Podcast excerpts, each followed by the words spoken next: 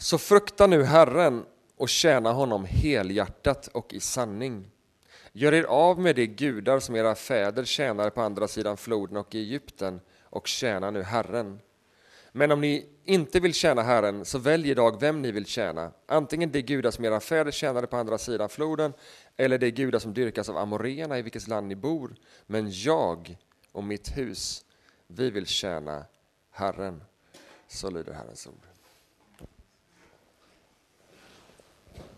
Varsågoda och sitt. John Wesley eh, sa så här när han, eh, han berättade för oss här kan man säga i det här citatet hur hans hjärta blev förändrat. Medan predikanten beskrev den förändring som Gud verkade i hjärtat genom tro på Kristus kände jag hur mitt hjärta blev märkligt varmt. Jag kände att jag litade på Kristus, Kristus ensam för räddning. Och en försäkran gavs mig om att han hade tagit bort mina synder, ja, mina och frälst mig från synden och dödens lag. Tack att ni kom hit och lyssnar igen på mitt, eh, min lilla predikoserie om hjärtat. Eh, och det här blir sista delen och eh, jag vill prata om hur man kan leva ett helhjärtat liv. John Wesley är en av mina gamla, gamla idoler. Om ni inte vet vem han var så var han ju en 1600-tals väckelsepredikant och grundade metodismen som eh, finns fortfarande där ute. Eh, hans teologi handlar mycket om frälsningsläran. Och han hade även han en massa bra grejer, men en grej som han pratade var hjärtats religion. Alltså, kristendom är inte ett gäng lagar som man behöver följa, utan det är ett hjärtats religion. Den inre på nyttfödda människan kan alltså operera, agera med hjärtat som utgångspunkt. Vi kan be, vi kan läsa skrifterna, vi kan älska den, de vi älskar. Men om det inte kommer från hjärtat, från vårt inre, ja då blir det inte helhjärtat. Och jag skulle säga att Bibeln är full av helhjärtade personer. Igår fick, vi, fick jag se en helhjärtad person gifta sig. Jag var på bröllop igår, Joel McKinnis gifte sig. Och om man inte är helhjärtad till den personen som man gifter sig med, då kommer det äktenskapet aldrig att funka. Och faktiskt så finns det många paralleller mellan äktenskapet och vår relation till Gud. Han bjuder in oss, men vi behöver säga ja, jag vill vara med i den här processen att tro på dig. Hjärtat är själva centrat ju, eh, där, eh, i ditt inre, som Gud opererar genom sin ande. Han gör någonting med vårt inre. Och eh, det inre, eller medvetandet, eller det som är ditt, din person, eller sådär, det är ungefär som lika svårt att förstå för all vetenskap, så man kan inte förklara medvetandet. Varför sitter det någonstans? Hur fungerar det? Precis som Gud. Gud är här, med vårt medvetande är i oss, men Gud är överallt. Därför är det lite mystik kring det här. Men det är inte så mycket mystik så att vi inte kan förstå. Så jag kommer till, och från den här texten från Josua idag, vill jag gärna prata lite grann om hur, hur vi kan leva helhjärtat. Men om du inte har hängt med på den här undervisningen innan så är utgångspunkten i de här andra två gångerna är att hjärtat, eller vårt inre, är enligt eh, Jeremia obotligt sjukt. Vem kan förstå det? Och hjärtat enligt Bibeln behöver en räddare, någon som tar sig an det brutna och att ett nytt hjärta eller ett nytt inre bildas. Den inre människan blir alltså så att säga blåst på av Guds ande. Och utan att Gud gör detta så är vi, enligt Bibeln, förlorade till den gamla människans hårda hjärta som tänker mest på sig själv. Men i texten så säger ju Josua, det här är vid slutet av hans liv, så frukta nu Herren och tjäna honom helhjärtat och i sanning. Alltså gör er av med allt det där som är distraktioner. Och jag tänker mig att det är samma för oss. Vi har så många distraktioner i våra liv. Eh, min främsta distraktion är ju en sån här, eller flera såna. Och eh, jag spenderar väldigt mycket tid. Så fort jag har tid över så tar jag fram den och så läser jag GP eller läser mail eller så jobbar jag med någonting. Eh, det finns alltid en skärm och en distraktion som ibland, inte alltid, men ibland för oss på avvägar. Och så står det sen här i Josua, den här texten som, som jag har tagit upp här idag. Lite senare i samma textstycke så säger Josua igen, upprepar, gör er av då med de här främmande gudarna som ni har bland er och vänd era hjärtan till Herren Israels Gud. Och det är lätt att vara lite distanserad till de här texterna när det handlar om avgudar och annat och tänka att ja, men sånt har inte vi i vår tid. Vi har väl inga distraktioner som tar över våra hjärtan. Jag skulle säga att hela vårt samhälle idag är fullt med möjligheter till att göra annat, att tjäna någonting annat än Gud. Och då kanske framför allt det egna jaget. Vi blir uppmanade i vårt samhälle att välja massa olika saker, en typ av pluralism. Och vi avskyr att bli uppmanade att välja en sak, en berättelse, en Gud. Vi, är hellre, vi vill hellre hålla våra val öppna. Och kanske kommer vetenskapen, tänker vi, en dag att kunna förklara universums ursprung och då kan vi säga adjö till Gud. Vi behöver inte det längre för vetenskapen har ju förklarat det mesta. Ungefär som vi tror inte på Tor längre för vi vet ju om vad det är som händer när det åskar och blixtrar. Typ samma argumentation kan man ta komma med sin gudstro och säga att det där kanske håller just nu men sen så kommer vi i mänskligheten ordna upp det där och då kan vi släppa det där med Gud. Kanske tänker ditt hjärta ibland sådär. Eller så kanske du tänker, kanske kommer jag utvecklas som person under de här åren framöver och lämna ungdomens naiva, blinda gudstro. När jag sen blir erfaren av livet och tänker att det finns något annat mer än det här naiva. Vi är alltså helt fokuserade, vill jag säga, på att tänka vad kan jag vinna på den här dealen? Hur gagnar det mig att jag skulle bli helhjärtad i Guds berättelse? Vad tjänar jag på det? Du kanske också, om du har varit kristen ett tag, blivit lärd att man måste liksom vara 100% för Gud och inget annat räknas. Att man måste nå upp till någon sorts elitnivå. Man måste liksom satsa all sin fritid på att vara volontär, nästan som ett ytterligare heltidsjobb. Och uppe på det så ska man också evangelisera sina vänner och kollegor. Ingen press. Så den som vill följa Gud helhjärtat kämpar alltså mot ett, världen eller samhället som säger att vi bör hålla, oss, hålla alla val öppna och pussla ihop vår egen unika berättelse. Och vi kämpar också ibland mot religionen som säger att man måste leva 100% för Gud i någon sorts prestationstro. Så hur navigerar vi de här dikena och snåren? Och jag skulle bara stanna till några på några saker som jag tror kan, texten kan hjälpa oss med och som Bibeln också uppmanar oss till, tror jag. Och det här är väl ingen kanske jättebra eh, ord, men var singulär. Det kanske är mer en vetenskaplig, men jag kommer inte på något bättre ord. Var singulär i ditt sinne. Var, ha ett hjärta riktat till en typ av plats. För det står ju i texten, gör er av med de främmande gudarna och vänd era hjärtan till Israels Gud. Vilka berättelser och idéer är då alltså främmande gudar i våra liv? Och då som jag började med att säga så tror jag att berättelsen om att du är självtillräcklig är kanske vår tids största distraktion eller avgud. Att vi tillber vår egen förmåga. Vi säger ju ofta när vi säger då till någon, ta hand om dig. Eller när vi, ja det är ett gammalt uttryck, men själv är bästa dräng. Alltså, förstår ni vad jag är ute efter?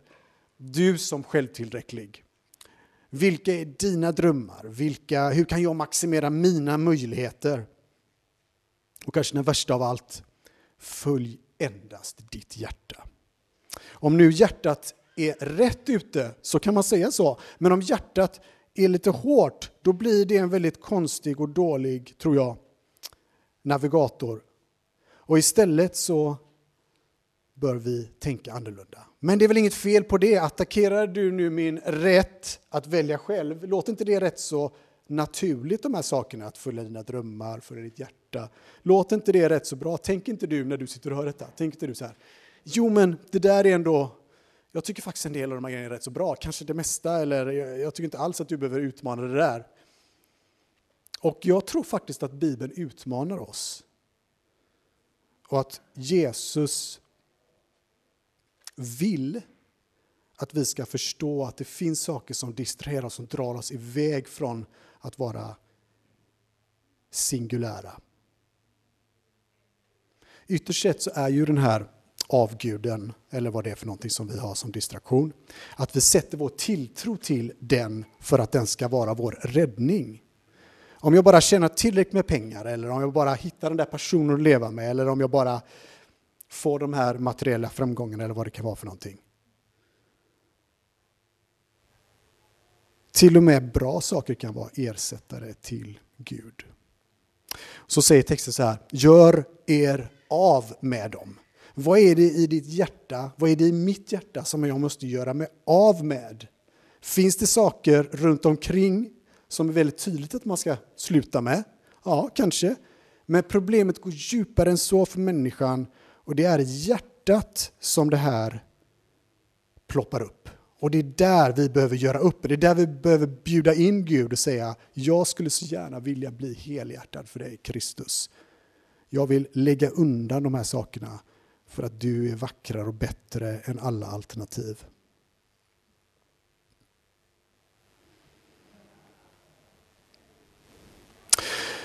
Om man nu då vågar lämna någonting som man märker inte stämmer så vill man ju ha någonting annat. Om man säger nej till något så måste man säga ja till någonting annat. Vi kan gärna inte så lätt leva i ett vakuum. Vi drar åt någonting, åt något håll med våra hjärtan.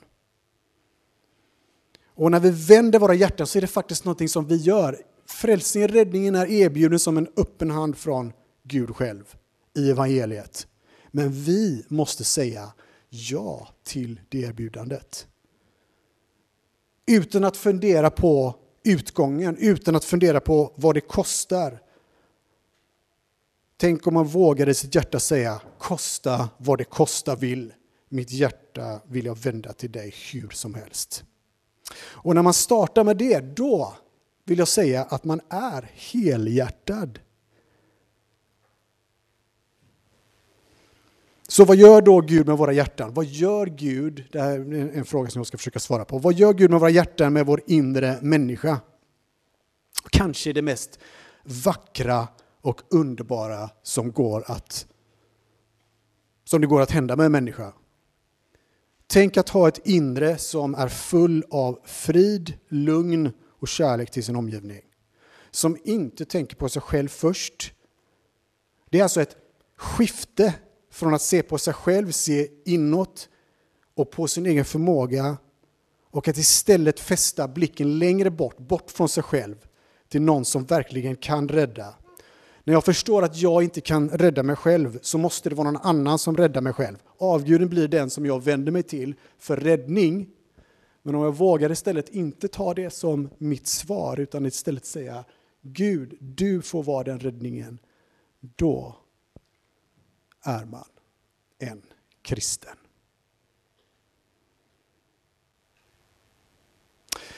Det vackra med att följa Kristus är att han älskar dig högst. Inte bara högt, utan högst. Att jag är högst värderad från honom.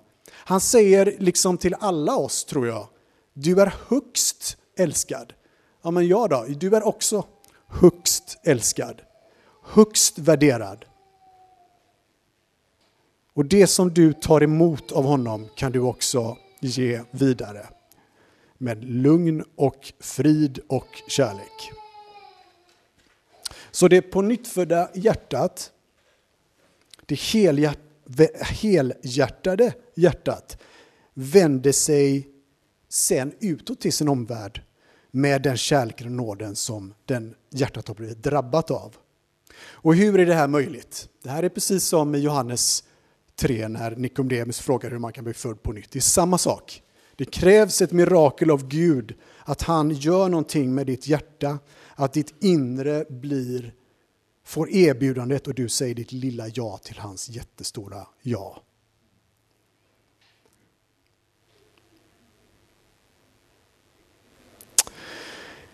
En helhjärtad tro är barnslig. Ett barns tro är ju helhjärtat från början redan. Så det är mycket en återvändning, en återkomst till det som barnet trodde på, om du hade en barnatro. Där liksom har, finns det inga tvivel så som vuxna har. Det är liksom helt klart för någon som har en barnatro, ofta barn, att Gud har skapat världen, att han är här fastän vi inte ser honom. Det är bara helt självklart. Att Jesus gick på vattnet och att vi kommer till himlen när vi dör är bara för barnet helt självklart. Som Keith Green sjöng. Jag ska inte sjunga.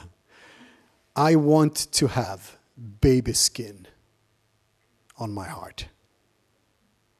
Tänk om vi skulle kunna få titta tillbaks och säga ja, Gud, ja, ja, Gud, jag vill ha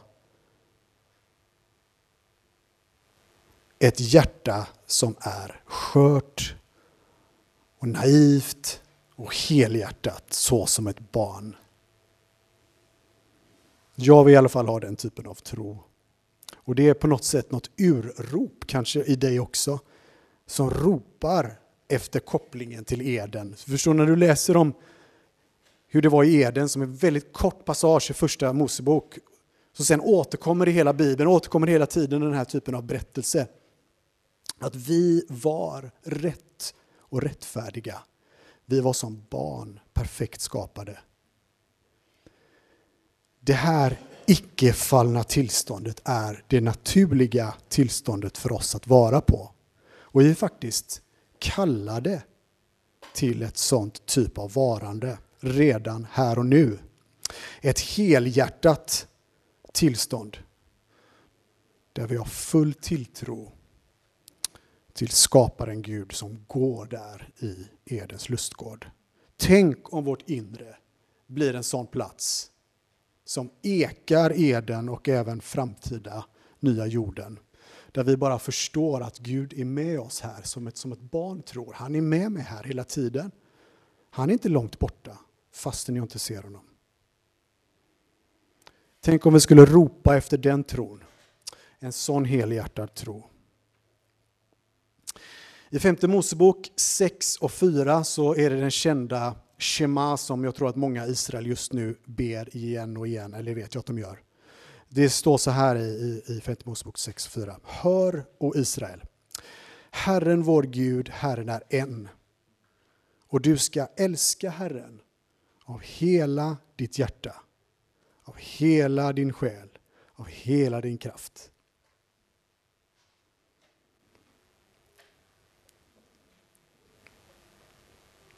Detta är vår, vårt uppdrag. Om du undrar vad du ska göra som kristen, så ska du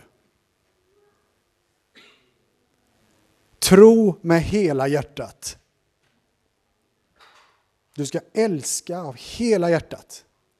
Du ska älska av hela din själ, av hela din kraft. Vem ska du älska? Älska Gud som att han är sann och här som ett barn tror.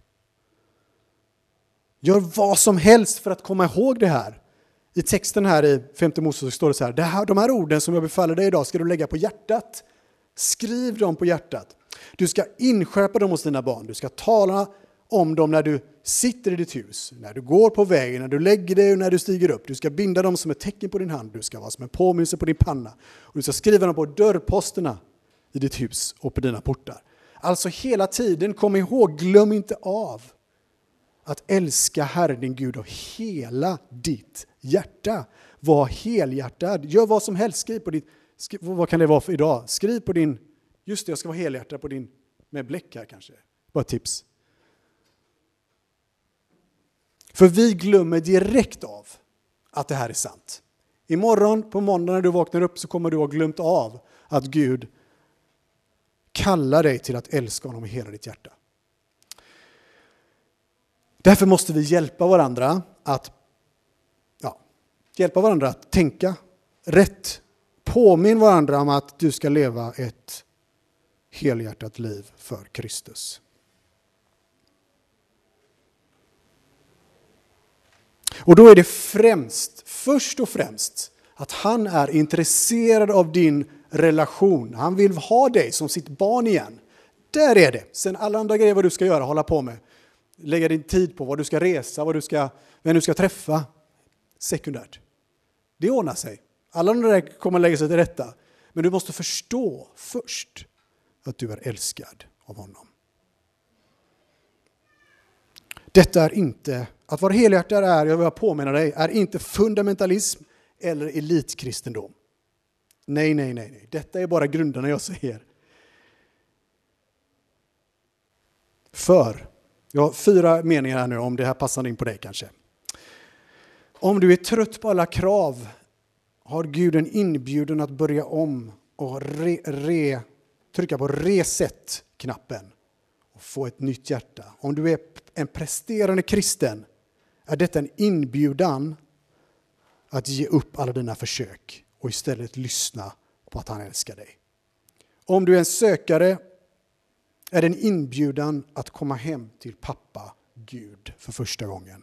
Om du är trött och sliten av livets krav, av jobb och familj, vad den är, så är det här varje dag inför Kristus en chans att förnyas i hjärtat. Så vi vill lita på, vi vill luta oss in mot Gud och inse att vi och vårt hjärta behöver honom. Jag ska avsluta med eh, två korta citat från eh, Nya Testamentet. För vem är egentligen vårt främsta exempel för att leva helhjärtat? Givetvis är Jesu exempel och liv perfekt i helhjärtad överlåtelse. Till och med när han står inför sitt lidande så säger han, ske din vilja, inte min. Jag skulle säga att Jesus, precis som han inbjuder oss till, har övat sig att lyda Gud för människor hela livet.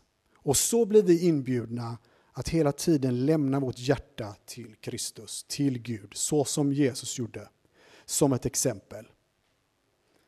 Och vi ser även att Jesu efterföljare och lärjungar mer och mer blev helhjärtade i sina liv. De flesta slutade som martyrer. Och det behöver inte du tänka att du måste sluta som martyr, men du kan tänka att du behöver ge hela ditt liv precis som de gjorde. Om du tänker det här är väl lite för svartvitt, kan det inte finnas lite mer av en kan välja lite? Nej, tyvärr. Inte om vi ska tänka att Bibeln är sann och att det finns en inbjudan till ett helt liv. Kommer vi att misslyckas? Absolut. Har jag misslyckats? Oj, väldigt många gånger. Bara den här veckan. Så Kristus letar inte efter perfekta personer, men han letar efter helhjärtade. Kanske är det så att hans ande går över jorden och letar efter vilka är villiga att helhjärtat vända sina liv till honom.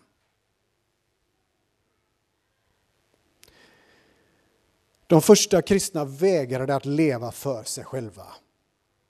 Kosta vad det kosta vill. Inget pris var för högt, ingen väg omöjlig, inget berg för högt att klättra över. I Kolosserbrevet avslutar med att läsa de här två bibelverserna. Kolosserbrevet 3 och 23 står det. Vad ni än gör, gör det av hjärtat som för Herren och inte för människor. Fesebrevet 6.6.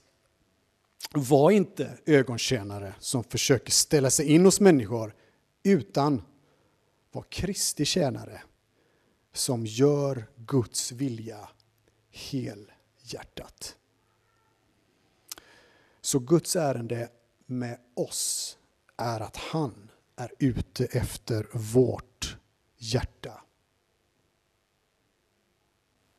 Amen.